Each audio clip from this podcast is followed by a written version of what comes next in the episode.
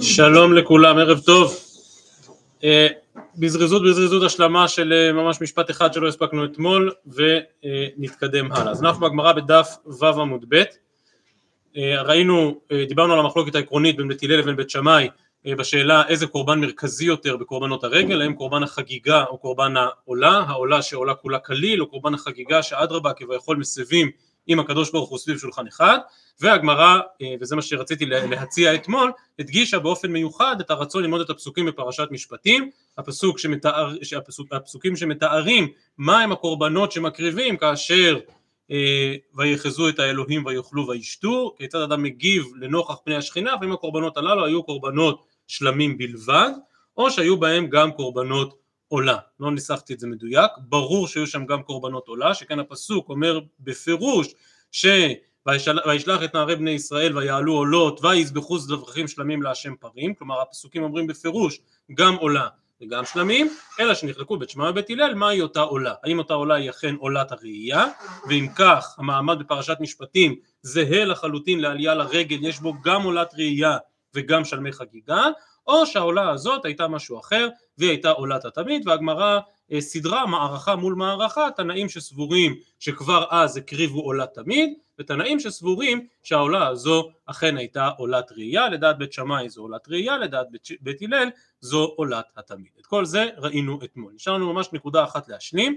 אז אנחנו עצרנו בו' עמוד ב' בערך בשליש האחרון של העמוד. אומרת הגמרא שאחת ה, הדעות בתנאים שאכן סבורה שהעולה הזאת היא עולת ראייה ולא עולת תמיד, היא דעתו של רבי ישמעאל. מניין טענה את זה הגמרא? אז הגמרא חוזרת עכשיו על הדברים, שכאמור ו' עמוד ב', אה, בערך בשליש האחרון של העמוד, ורבי ישמעאל, מהי טעמה כמוקמת לה כבית שמאי, שהעולה הזאת היא אכן עולת ראייה ולא עולת התמיד. אז הסברנו את זה אתמול, איסלקא דייתא, חולה שהקריבו ישראל במדבר עולת תמיד הוואי, מאי קמידי דמעיקרא לא באי הפשט וניתוח, ולבסוף באי הפשט וניתוח. שכן רבי ישמעאל סבור שרק הכללים נאמרו בסיני אבל הפרטים נאמרו באוהל מועד, זה מה שראינו אתמול, ואם ככה יוצא שאם תאמר שלדעת רבי ישמעאל זה עולה תמיד, אז יוצא שיש כאן אה, איזשהו שינוי בהקרבת התמיד, שפעם הקריבו תמיד באופן אחד, כי עדיין לא נאמרו פרטי ההלכה, ואילו אחרי שנשנו פרטי ההלכה באוהל מועד, פתאום עוברים להקריב תמיד אחר. זה נשמע מאוד מוזר, שיש שתי וריאציות של הקרבת תמיד, שאפשר להקריב תמיד שלא כהלכתו ולכן על כורחנו שלפי רבי ישמעאל זו אכן איננה עולת התמיד אלא עולת ראייה. כך הציעה הגמרא מקודם. אה, כך הציעה הגמרא אתמול ואת זה כבר ראינו. אבל זה עכשיו שואלת הגמרא רק רגע. והא רבי יוסי הגלילי. רבי יוסי הגלילי גם כן ראינו אתמול סבור שהעולה שהקריבו הייתה עולת תמיד. שכן רבי יוסי הגלילי שראינו אתמול אומר שרק קורבן חגיגה היה לפני הדיבור. רק קורבן חגיגה. משמע שעולת ראייה לא הייתה לפני הדיבור אז מה זה העולות שהקריבו בפרשת משפטים? עולת תמיד. אומרת הגמרא, והרבי יוסי הגלילי, דאמר עולה שהקריבו ישראל במדבר עולת תמיד הוואי כמו שראינו אתמול, ומעיקר לא בא הפשט וניתוח, ולבסוף בא הפשט וניתוח. כלומר, רבי יוסי הגלילי אכן סבור שזו עולת ראייה, סליחה, אכן סבור שזו עולת התמיד, ובכל זאת רבי יוסי הגלילי אומר בפירוש שאכן הקריבו עולת תמיד בפרשת משפטים, אבל לא כהלכתה. ובהמשך ינתנו פרטי ההלכה ובהמשך יקריבו את עולת התמיד באופי אחר. דתניא רבי יוסי הגלילי אומר עולה שהקריבו ישראל במדבר אינה טעונה הפשט וניתוח לפי שאין הפשט וניתוח אלא מאוהל מועד ואילך. כלומר אומר רבי יוסי הגלילי אני לא מפחד לטעון את זה. באמת העולה שהקריבו ישראל במדבר הייתה עולת תמיד אבל רבי יוסי הגלילי בדבר הזה כנראה מסכים עם רבי ישמעאל שפרטי ההקרבה, הפשטת הקורבן וניתוחו וכולי, כל מה שאנחנו קוראים בספר ויקרא, אכן נאמר, ויקרא אל משה, וידבר השם אליו, מאוהל מועד לאמור, ועד אז זה לא נאמר. אז עד אוהל מועד הקריבו עולת ראייה באופן אחד, ולאחר אוהל מועד הקריבו עולת ראייה באופן אחר, רבי יוסף גליל אומר את זה בפירוש. רבי ישמעאל שטען שהפרטים נאמרו באוהל מועד, אמרת לא יכול להיות שזה עולה תמיד, כי לא יכול להיות שהקריבו עולה תמיד שלא כהלכתה, רבי יוסף גלילי אומר את זה. בפירוש, שהקריבו עולה תמיד בסיני באופן אחד ובאוהל מועד באופן אחר. עונה הגמרא, אתה צודק, סמי מכאן רבי ישמעאל. כלומר, הטענה שטענו אתמול, שרבי ישמעאל בהכרח סבור שהעולה הזאת היא עולת ראייה ולא עולה תמיד, היא לא נכונה. זה שרבי ישמעאל סבור שהפרטים נאמרו באוהל מועד, לא אומר שהעולה בהר סיני לא הייתה עולה תמיד. היא הייתה עולה תמיד, שהקריבו כמו שהקריבו, כמו שהם מצאו לנכון להקריב, ואחר כך באוהל מועד ניתנו גם הפרטים. נקודה אחרונה בהקשר הזה, באי רב חיסדא היקרא היכי כתיב, איך צריך לקרוא את הפסוק הזה שעליו דיברנו, וישלח את נערי בני ישראל ויעלו עולות והעולות הללו הן כבשים ואחר כך ויזבחו זבחים שלמים להשם פרים. ולמה יש חשיבות דווקא לפר שלמים? כי יש הרבה יותר בשר, דיברנו על זה אתמול בהרחבה על קורבנות הנשיאים שכל העניין שכולם מסבים סביב שולחן אחד כל בני השבט ואוכלים ביחד ולכן יש מעלה מיוחדת דווקא בקורבן השלמים, שהוא, דווקא בפר השלמים שהוא גדול יותר ואם כן העולות היו כבשים והשלמים היו פרים או דילמה הפרים שנאמר בסוף הפסוק הולך על כולו. דהיינו אידי ואידי פרים הב כלומר שכל הקורבנות שם היו פרים. שואלת הגמרא את השאלה המתבקשת והיא למי נפקא מינה. או בלשון כמו שהתוספות כאן מזכירים מסוגיות אחרות מהי דהבה הווה כאילו מה, מה, מה זה משנה? אומרת הגמרא יש נפקא מינה. מר זוטרא אמר לפיסוק טעמים. נו אז יש פה בעלי קריאה מה פיסוק הטעמים שלנו? לפי פיסוק הטעמים שלנו זה כבשים או פרים מי מצליח לשחזר מהר בראש? כבשים למה? יפה מאוד. כי על המילה, כי על המילה עולות יש את נחתא, וישלח את נערי בני ישראל ויעלו עולות את נחתא, ויזבחו זבחים שלמים להשם פרים. ואם כן, לפי פיסוק הטעמים שלנו, באמת צריך להגיע למסקנה שזה כבשים. אם תטען שזה פרים, אז פיסוק הטעמים צריך להיות אחר. עכשיו שוב, גם פה לא ברור מה הנפקא מינה, כאילו, אז זה לשנות את הטעמים.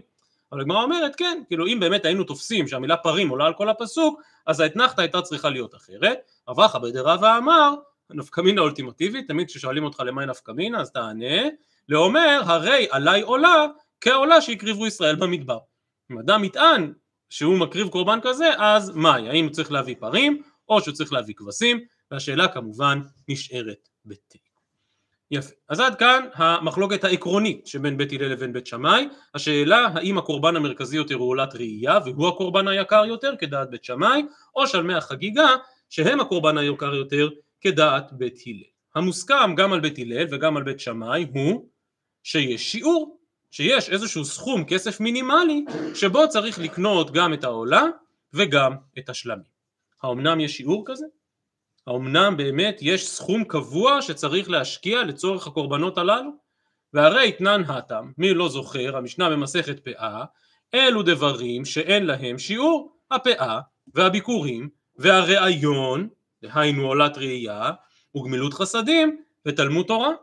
אם כן, מפורש במשנה שכל כך שגורה לשוננו, אנחנו אומרים אותה מדי בוקר אחרי ברכת התורה, שלראיון אין שיעור.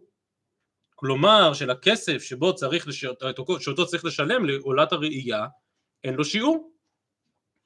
אז לא נאריך עכשיו בכל הדברים שיש כאן במשנה, על הפאה שאין לה שיעור מדאורייתא, אבל יש שיעור מדרבנן, הביקורים שגם מדרבנן אין להם שיעור, גמילות חסדים, לכאורה יש להם שיעור, כי חז"ל כן הגבילו כמה כסף אדם צריך לשלם לצדקה, באמת התוספות כאן מצטטים את הירושלמי שגמילות חסדים בגופו אין לה שיעור, גמילות חסדים בממונו יש לה איזושהי קצבה, גמילות חסדים בגופו אכן אין לה שיעור, וכמובן תלמוד תורה שאין לו שיעור.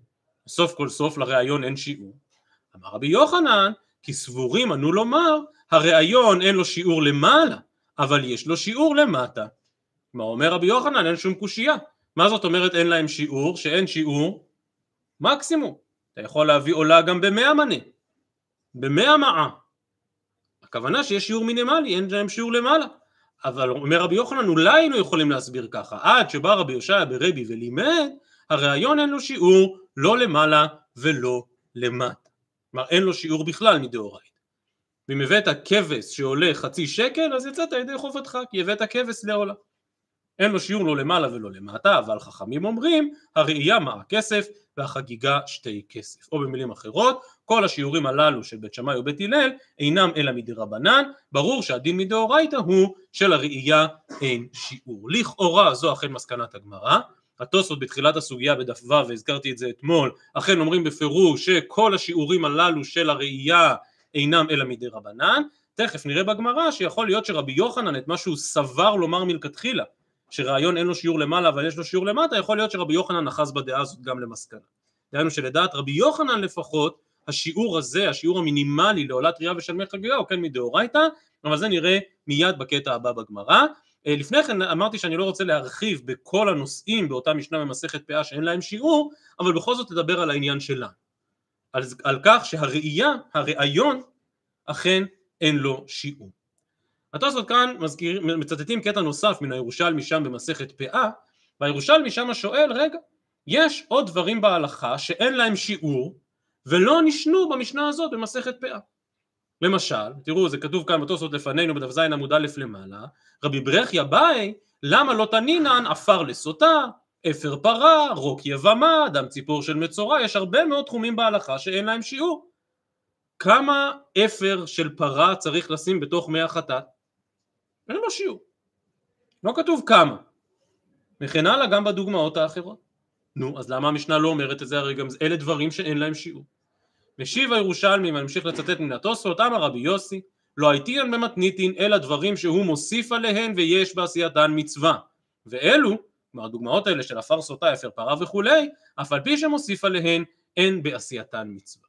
הקביעה אין להם שיעור עשויה להתפרש בשתי דרכים. אפשר לפרש שזה משהו מינימליסטי, זה משהו שבא להקל, אין להם שיעור, דהיינו אתה יוצא ידי חובה אפילו בכלשהו. לעומת זאת אפשר להבין אין להם שיעור לא במובן מצמצם אלא במובן מרחיב. אין להם שיעור הכוונה שאתה יכול להוסיף כמה שיותר וכל המוסיף מוסיפים לו מן השמיים. וזו בדיוק ההתלבטות שיש כאן בירושלמי והתוספות מצטטים.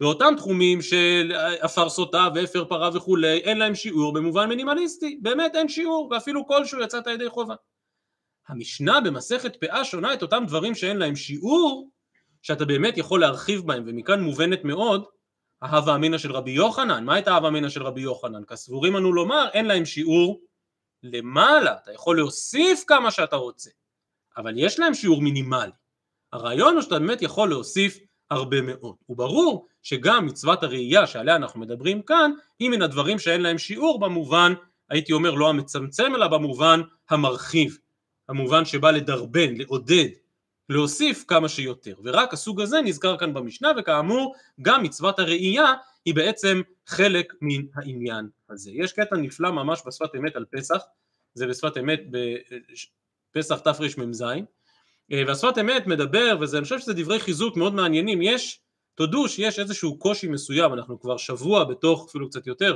בתוך אה, מסכת חגיגה, ויש איזשהו קושי ללמוד את ההלכות האלה, כאשר אין בית מקדש, כאשר אנחנו לא זוכים לעלות ולראות, אלא רק מתפללים על זה.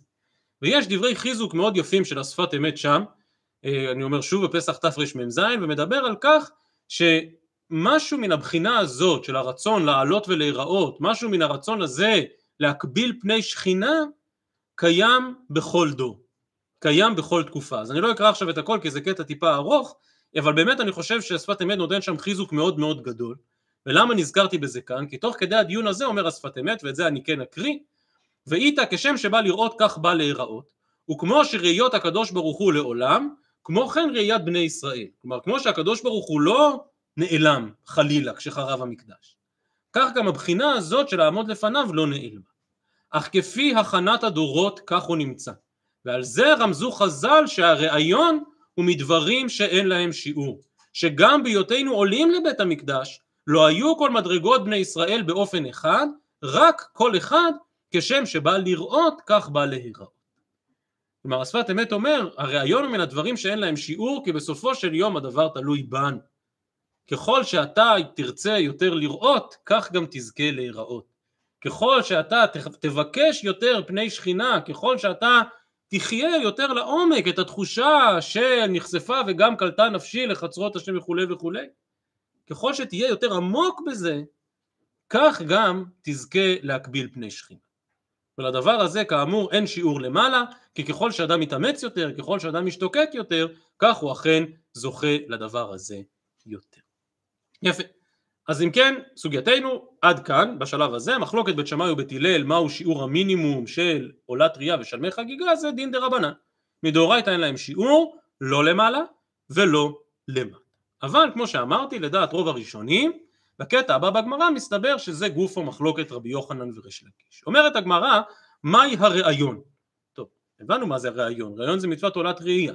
אבל הסברים פה הראשונים, אז למה המשנה משתמשת בלשון כזאת מוזרה, ראיון? למה לא אומרים אלו דברים שאין להם שיעור, הפאה והביקורים והראייה? מה, מה רוצים ללמוז בראיון? רבי יוחנן אמר ראיית פנים באזהרה, ריש לקיש אמר ראיית פנים בקורבן. מסבירה הגמרא, בעיקר הרגל, עיקר הרגל הכוונה ביום טוב הראשון, כולי עלמא לא פליגי דראיית פנים בקורבן, כלומר לית מאן דפליג, שסתם כך לבוא לעזרה ביום טוב הראשון, זה עוד לא מצוות ראייה. וכבר הזכרנו בפתיחת המסכת, מיד נחזור לחקירה, האם באמת יש איזושהי מצווה, גם אם באתי בידיים ריקות. אבל ברור שזה לא עיקר המצווה, עיקר המצווה זה לא יראו פניי ריקה. ולכן בעיקר הרגל כולי עלמא לא פליגי דראיית פנים בקורבן, שוודאי צריך להביא יחד איתו קורבן. כי פליגי מחלוקת רבי, רבי יוחנן וריש לקיש בשאר ימות הרגל. כל היכא דעתא ואייתי, כולי עלמא לא פליגי דמקבלין על מיני. אדם הגיע ביום טוב הראשון והביא עולת ראייה, מגיע ביום טוב השני, הוא כל כך מתרגש והוא רוצה להביא עוד עולה. יכול או לא יכול? אם הוא רוצה, כולי עלמא לא פליגי דמקבלין על מיני. אם אתה רוצה, בבקשה, אפשר להביא גם עולה בנדבה. אז מה בכל זאת המחלוקת? כי פליגי דעתה ולא אייתי. דהיינו אדם אכן הגיע, עלה מבית המלון שלו, מהאכסניה שלו בירושלים, הגיע אל העזרה והביא עולת ראייה כדין, אבל הוא רוצה לבוא גם ביום שני. הוא רוצה לבוא גם ביום שלישי, הוא רוצה לבוא בכל ימות אחד. כי לא פליג, אה, אה, כל איכא דעתה ואייתי כולם לא פליגי דמקבלין על מיני, כי פליגי דעתה ולא אייתי. דרבי יוחנן סבר ראיית פנים בעזרה, וכל אימה דעתי לא צריך להטויי. כלומר, הראייה מן הדברים שאין להם שיעור. יש שיעור למה? לעולת ראייה. ומכאן כאמור מציעים התוספות לומר שלדעת רבי יוחנן הדין הזה של מעה כסף ושתי כסף וכולי, הדין הזה הוא דין דאורייתא, יש להם שיעור. אז על מה אומרת המשנה שהראייה היא מן הדברים שאין להם שיעור? לא על הקורבן, אלא על עצם הביאה לעזרה. על עצם הכניסה לעזרה לראות פני השם, לזה אין שיעור. כל המוסיף, מוסיפים לו מן השמיים. אדם בא מדי יום ביומו לכל אורך ימות החג, ולזה אין שיעור. כך דעתו של רבי יוחנן. ורבי יוחנן סבר ראיית פנים באזהרה, דכל אימת דעתי לא צריך להטויה.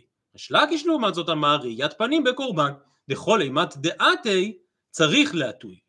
כלומר אומר יש לקיש, מה זאת אומרת שהראייה אין לה שיעור? אתה יכול לבוא כמה פעמים שאתה רוצה, אבל, אבל בכל פעם שאתה בא אתה חייב להביא עולת ראייה. ואין ספק שהמחלוקת הזאת בין רבי יוחנן לריש לקיש חוזרת לאותה חקירה שבה פתחנו את המסכת, דהיינו שלדעת רבי יוחנן ברור שהמושג הזה של לבוא אל המקדש ולראות פני השם עומד בפני עצמו.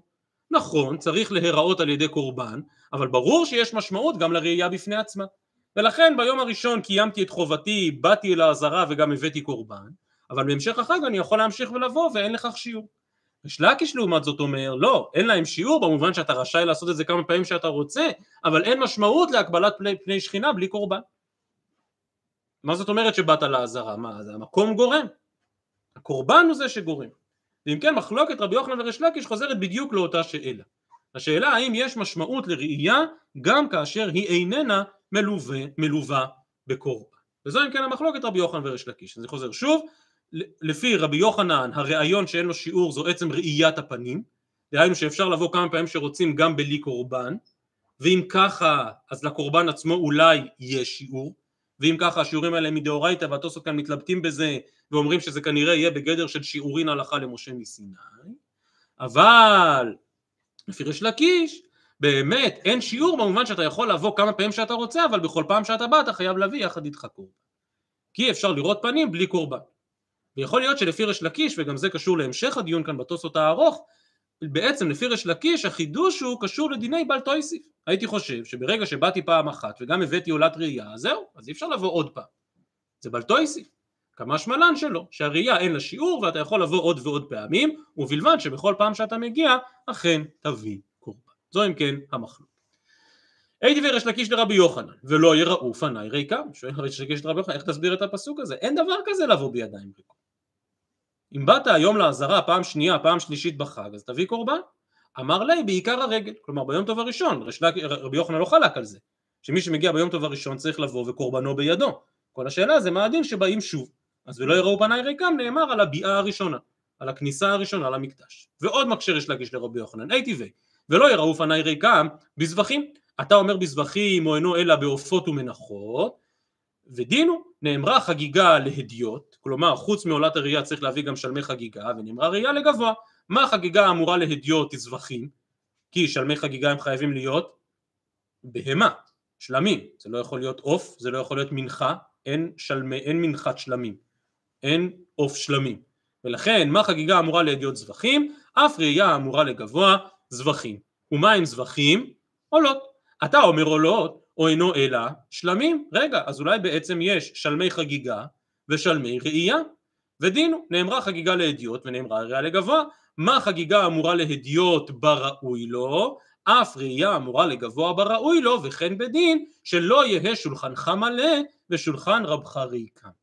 זו בדיוק מחלוקת בית שמאי ובית הלל שהארכנו בה אתמול. כלומר שעולת הראייה היא שולחן רבך, עולת החגיגה היא שולחנך, ובעצם השילוב המלא לכולי עלמא הוא בזה שמביאים עם עולת הראייה גם שלמי חגיגה, זה תמיד בא ביחד.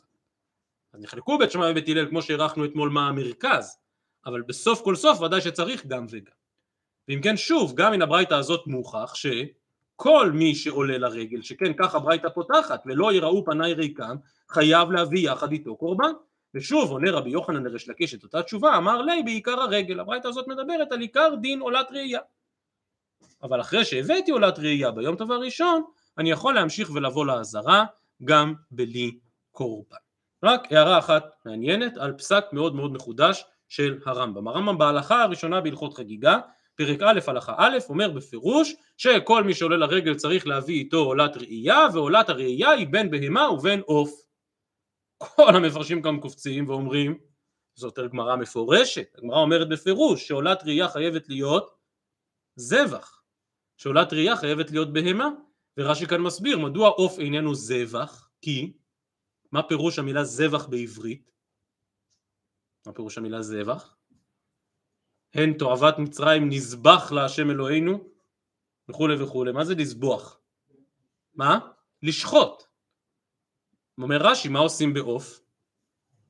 את העוף מולקים, את העוף לא שוחטים, ולכן עוף לא יכול להיות זבח. נו, אז איך הרמב"ם אומר שלעולת ראייה אפשר להביא זבחים? אז כאמור, כל מפרשי הרמב"ם שם, וזה כבר בהלכה הראשונה בהלכות חגיגה, מתקשים עד מאוד מהיכן הוציא הרמב"ם את ההלכה הזאת, וכמו שהכסף מישהו שם מביא גם בשם המערי קורקוס וגם בשם עצמו שעל כורחנו לומר שלרמב"ם הייתה גרסה אחרת. או שהרמב"ם לא גרס בכלל את המילה עופות אלא גרס רק את המילה מנחות. או וזה פירוש מאוד מעניין שנמצא במחילתא המחילתא לא אומר עופות אני לא יודע איך בדיוק המילים האלה מתחלפות אבל המחילתא אומרת או אינו אלא בכספים. כלומר שצריך להביא קורבן ממש הייתי חושב מה זה ולא יראו פניי ריקם תחשבו באווירה שאנחנו חיים בה זה נורא הגיוני ולא יראו פניי ריקם הכוונה תשלום דמי חבר אגרת כניסה ולא יראו פניי ריקם מה אתה נכנס בלי לשלם משהו? וזה מה שהמחילתא רוצה לומר שזאת לא הכוונה. טוב, אז אולי זאת הגרסה שעמדה לנגד עיניו של הרמב"ם. כאמור, מעבר לשאלה של איך הרמב"ם מסתדר עם הגמרא, יש כאן שאלה עקרונית, ושוב, כל האחרונים שם על הרמב"ם מעריכים בה עד מאוד, וזו השאלה, האם באמת עופות נחשבים זבח? הידוע, דיני קורבנות העוף נשנו במסכת זבחים, יחד עם שאר הזבחים. מי שיקרא פשוטו של מקרא, ויקרא פרק א', קורבן עולה, היא מן הבקר, והיא מן הצאן, והיא מן העוף, זה, זה בנשימה אחת. קורבן עולה יכול להיות בקר, צאן או עוף, זה, זה הכל על רצף אחד. מצד שני יש לא מעט סוגיות, ולא רק הסוגיה שלנו, שבהן יש איזושהי תבנית של מדרש הלכה שאומר אין לי אלא זבחים עופות מניין. כלומר שאנחנו רואים ש, שחז"ל לא התייחסו לזבח או לא התייחסו לעוף כמו לזבח, כנראה בגלל מה שרש"י כאן אומר, שהמוקד של הזבח הוא השחיטה שלו, ועוף לא נשחט הוא נמלק. טוב, אז רק אני מעיר על זה שיש כאן באמת דיון למדני מאוד עמוק ומעניין סביב פסק הרמב"ם, האם אכן אפשר להגדיר גם את העופות כזבחים. כאמור לענייננו כל מה שהוכחנו מכאן זה עוד פעם ולא יראו פניי ריקם ושוב השיב רבי יוחנן לריש לקיש שהכוונה בעיקר הרגל בלבד. הייתי ורבי יוסי ברבי יהודה, אה, סליחה הייתי ו... רבי יוסי ברבי יהודה אומר שלוש רגלים בשנה נצטוו ישראל לעלות ברגל, בחג המצות, בחג השבועות ובחג הסוכות ואין יראין חצאין, מיד נסביר מה זה, משום שנאמר כל זכוריך ואין יראים ריקנים, משום שנאמר ולא יראו פניי ריקם וכאן משמע שממש לכל אורך חג המצות, חג השבועות, אתה לא יכול להיראות ריקם, אתה תמיד כשאתה בא אתה צריך להביא קורבן כמו ריש לקיש. ושוב פעם שלישית משיב רבי יוחנן, אמר לי בעיקר הרגל. לאידך גיסא, הייתי ורבי יוחנן לריש לקיש, יראה ויראה, הילפותא שכבר ראינו פעמים רבות, ועכשיו אומרת הגמרא משפט שקצת במרכאות מקלקל את כל הדברים שדיברנו עליהם עד עכשיו מתחילת המסכת, אבל מיד אני אסביר למה אני חושב שלא. מה אני בחינם אף אתם בחינם. מה הסברנו מתחילת המסכת? שכדי לראות פני השם אתה חייב לבוא עם קורבן. אבל הנה ברייתא שאומרת מה פתאום? מה אני בחינם אף אתם בחינם. כמו שהקדוש ברוך הוא רואה כביכול הוא בא ריקם, כך גם מי שבא יכול לבוא ריקם. מה אני בחינם אף אתם בחינם. העיקר שתבואו. העיקר שתבואו. גם מי שלא מביא קורבן, שיבוא. אז אומר רבי יוחנן, מכאן מוכח כדעתי. מה אני בחינם, אף אתם בחינם? ובאמת הגמרא מקבלת את זה, אלא כל היכא דעתה ולא הייתי, דכולי עלמא לא פליגא דאיילו מתחזה ונפיק. בעצם גם ריש לקיש מודה לרבי יוחנן, שמי שכבר הביא עולת ראייה ביום טוב הראשון, יכול להמשיך ולבוא בהמשך החג כמה שהוא רוצה, גם אם אין לו קורבן. מה אני בחינם, אף אתם בחינם. גם בלי קורבן. העיקר שתבואו. כי פליגי דעתה ואייתי, שהוא רוצה לבוא בהמשך החג וגם להביא עולת ראייה. שבזה רבי יוחנן דאמר ראיית פנים באזהרה, ראיית פנים עוד אין לה שיעור, הלקורבן יש לה שיעור. כלומר רבי יוחנן ממש אומר יש כאן סוג של בלטויסיף. עכשיו שוב, כל הראשונים מסבירים, ודאי שאם הוא רוצה להביא עולת נדבה הוא יכול. אבל מצד עולת הראייה, אומר רבי יוחנן עזוב עזוב מספיק פעם אחת. בתחילת הרגל פרעת את חובך, מכאן ואילך מה אני בחינם אף אתם בחינם. ריש לקיש לעומת זאת סבור, ריש לקיש אמר ראיית פנים בקורבן, דאפילו הקורבן נמי אין לו שיעור, כך מסבירה הגמרא את דברי, את המחלוקת הזאת בין רבי יוחנן לבין ריש לקיש.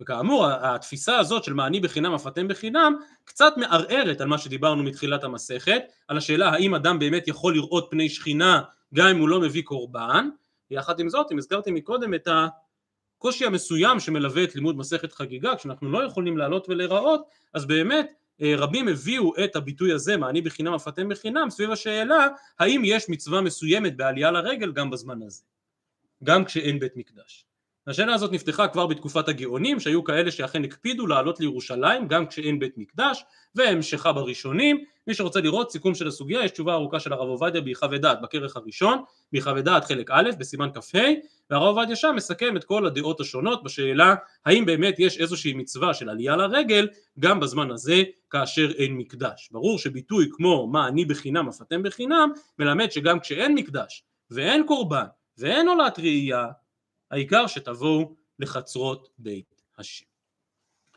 ממשיכה הגמרא ושואלת, אי טבעי, הוקר רגלך מבית רעך? התפיסה שבעיקר יש לקיש מנסה לומר זה אדרבה, כמה שיותר ביקורים, כמה שיותר קורבנות, תבוא כל יום בחג, תביא כל יום קורבן, קדימה. אבל בברייתא נאמר, הוקר רגלך מבית רעך. הפסוק כמובן פסוק במשלי, אה, שבא לבטא את העובדה ש... זה הופך להיות זול. הרי הפסוק במשנה לא מדבר על המקדש, מדבר על חברים טובים, וזה כלל ידוע שגם חברים טובים, לפעמים זה כבר נהיה too much, לפעמים זה כבר נהיה קרוב מדי. ולכן הוקר רגלך מבית רעך, פן ישבעך וישנאיך, כלומר לפעמים זה נהיה יותר מדי. ולכן, איך ריש לקיש יכול לומר יאללה כמה שיותר ביקורים, כמה שיותר קורבנות? עונה הגמרא, לא לא לא, הטעם בחטאות והאשמות כדרבי לוי, דרבי לוי רמי, כתיב מצד אחד הפסוק הזה במשלי הוקע רגלך מבית רעך, וכתיב בתהילים אבוא ביתך ועולות, לא קשיא, כאן בחטאות והאשמות, כאן בעולות ושלמים. לא כדאי להיות כאחד כזה שמבקר במקדש מדי יום ביומו, מדי שבוע בשבוע עם חטאות והאשמות. זה לא נראה טוב. אבל בעולות, בשלמים, כמה שרוצים. תנא נמי אחי, הוקע רגלך מבית רעך בחטאות והאשמות הכתוב מדבר. אתה אומר בחטאות והאשמות אינו אלא בעולות ושלמים, כשהוא אומר אבוא ביתך ועולות אשלם לך נדרי, הרי עולות ושלמים אמרו, הא מה אני מקיים הוקע רגלך מבית רעך, בחטאות והאשמות הכתוב מדבר. נשים בזריזות רק את הסוגיה עד המשנה ונעצור, ראינו בברייתא, תוך כדי הדיון במה צריך להביא יחד עם קורבן הראייה, אמרה הברייתא שגם אין נראים לחצאים. ביטוי קצת מוזר, מה זאת אומרת אין נראים לחצאים? סבר רב יוסף למימר, מאן דאית לי עשרה בנים, לא ליסקו העידנא חמישה למחר, אה, סליחה, לא ליסקו העידנא חמישה, ולמחר חמישה. כלומר, מה זאת אומרת אין נראים לחצאים? שכאשר המשפחה עולה לרגל, אז שיעלו כולם ביחד, שלא חמישה היום וחמישה מחר. זו המשמעות של עולים לחצאים. אמר לי אביי, בשביל זה צריך פסוק? בשביל זה צריך ברייתא? פשיטא, ה' מנהים משבת לאו פושעים וה' משבת לאו זריזים. כאילו, מה, מישהו הייתה הווה אמינא אחרת, שכן עולים לחצאין, שחמישה יום וחמישה מחר? בשביל זה לא צריך ברייתא.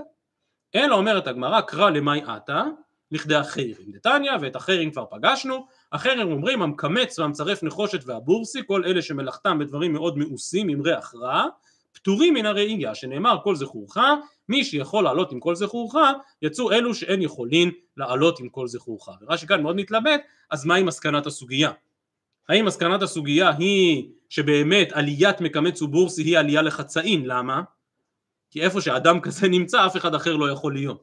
ואז זה יוצר את עם ישראל כיתות כיתות פלגים פלגים כי לא יכולים לעלות כולם ביחד כי, כי אי אפשר להימצא במחיצתו. ואם ככה מסקנת הגמרא שבאמת לא עולים לחצאים דהיינו שמקמץ ובורסי לא יכול לעלות. אבל רש"י אומר שיכול אפשר להגיד גם פשט אחר שבאמת הפסוק בא ללמד את עצם הדין של מקמץ ובורסי אבל לפי הפירוש הזה יוצא שאין דין כזה של עלייה לחצאים או שאנחנו לא מקבלים לא, לא הצלחנו לפרש מה זה בדיוק עלייה לחצאים ולכן אנחנו דוחים את הברייתא הראשונה מפני הברייתא של אחרים. אני רק אסיים ואומר אם אתם זוכרים כאשר נתקלנו כבר בברייתא הזאת של מקמץ ובורסי כנראה בעקבות הסבך שיש כאן בגמרא החליט הרמב"ם להתעלם לגמרי מן הברייתא הזאת והרמב"ם כותב בפירוש שהמקמץ ובורסי מדינם מטהרין גופן, מטהרים בגדיהם ועולים לרגל. כלומר הרמב"ם אמר בפירוש כדי כנראה כך הוא הבין את מסקנת הגמרא כאן שהדין הזה באמת לא יתקבל להלכה. וממילא אנחנו לא רוצים לפלג ולחלק ולהעלות לחצאים ולומר שמקמץ ובורסי לא יבואו. עכשיו אי אפשר לומר את זה באופן גורף כי החיגר והסומה וכולי וכולי וכולי כן פטורים מן הראייה. ובכל זאת לבוא לעוד אנשים ולעוד מגזרים ולומר להם שלא יעלו את זה אנחנו לא עושים אלא מטהרים גופם מטהרים בגדיהם ועולים לרגל ערב טוב לכולם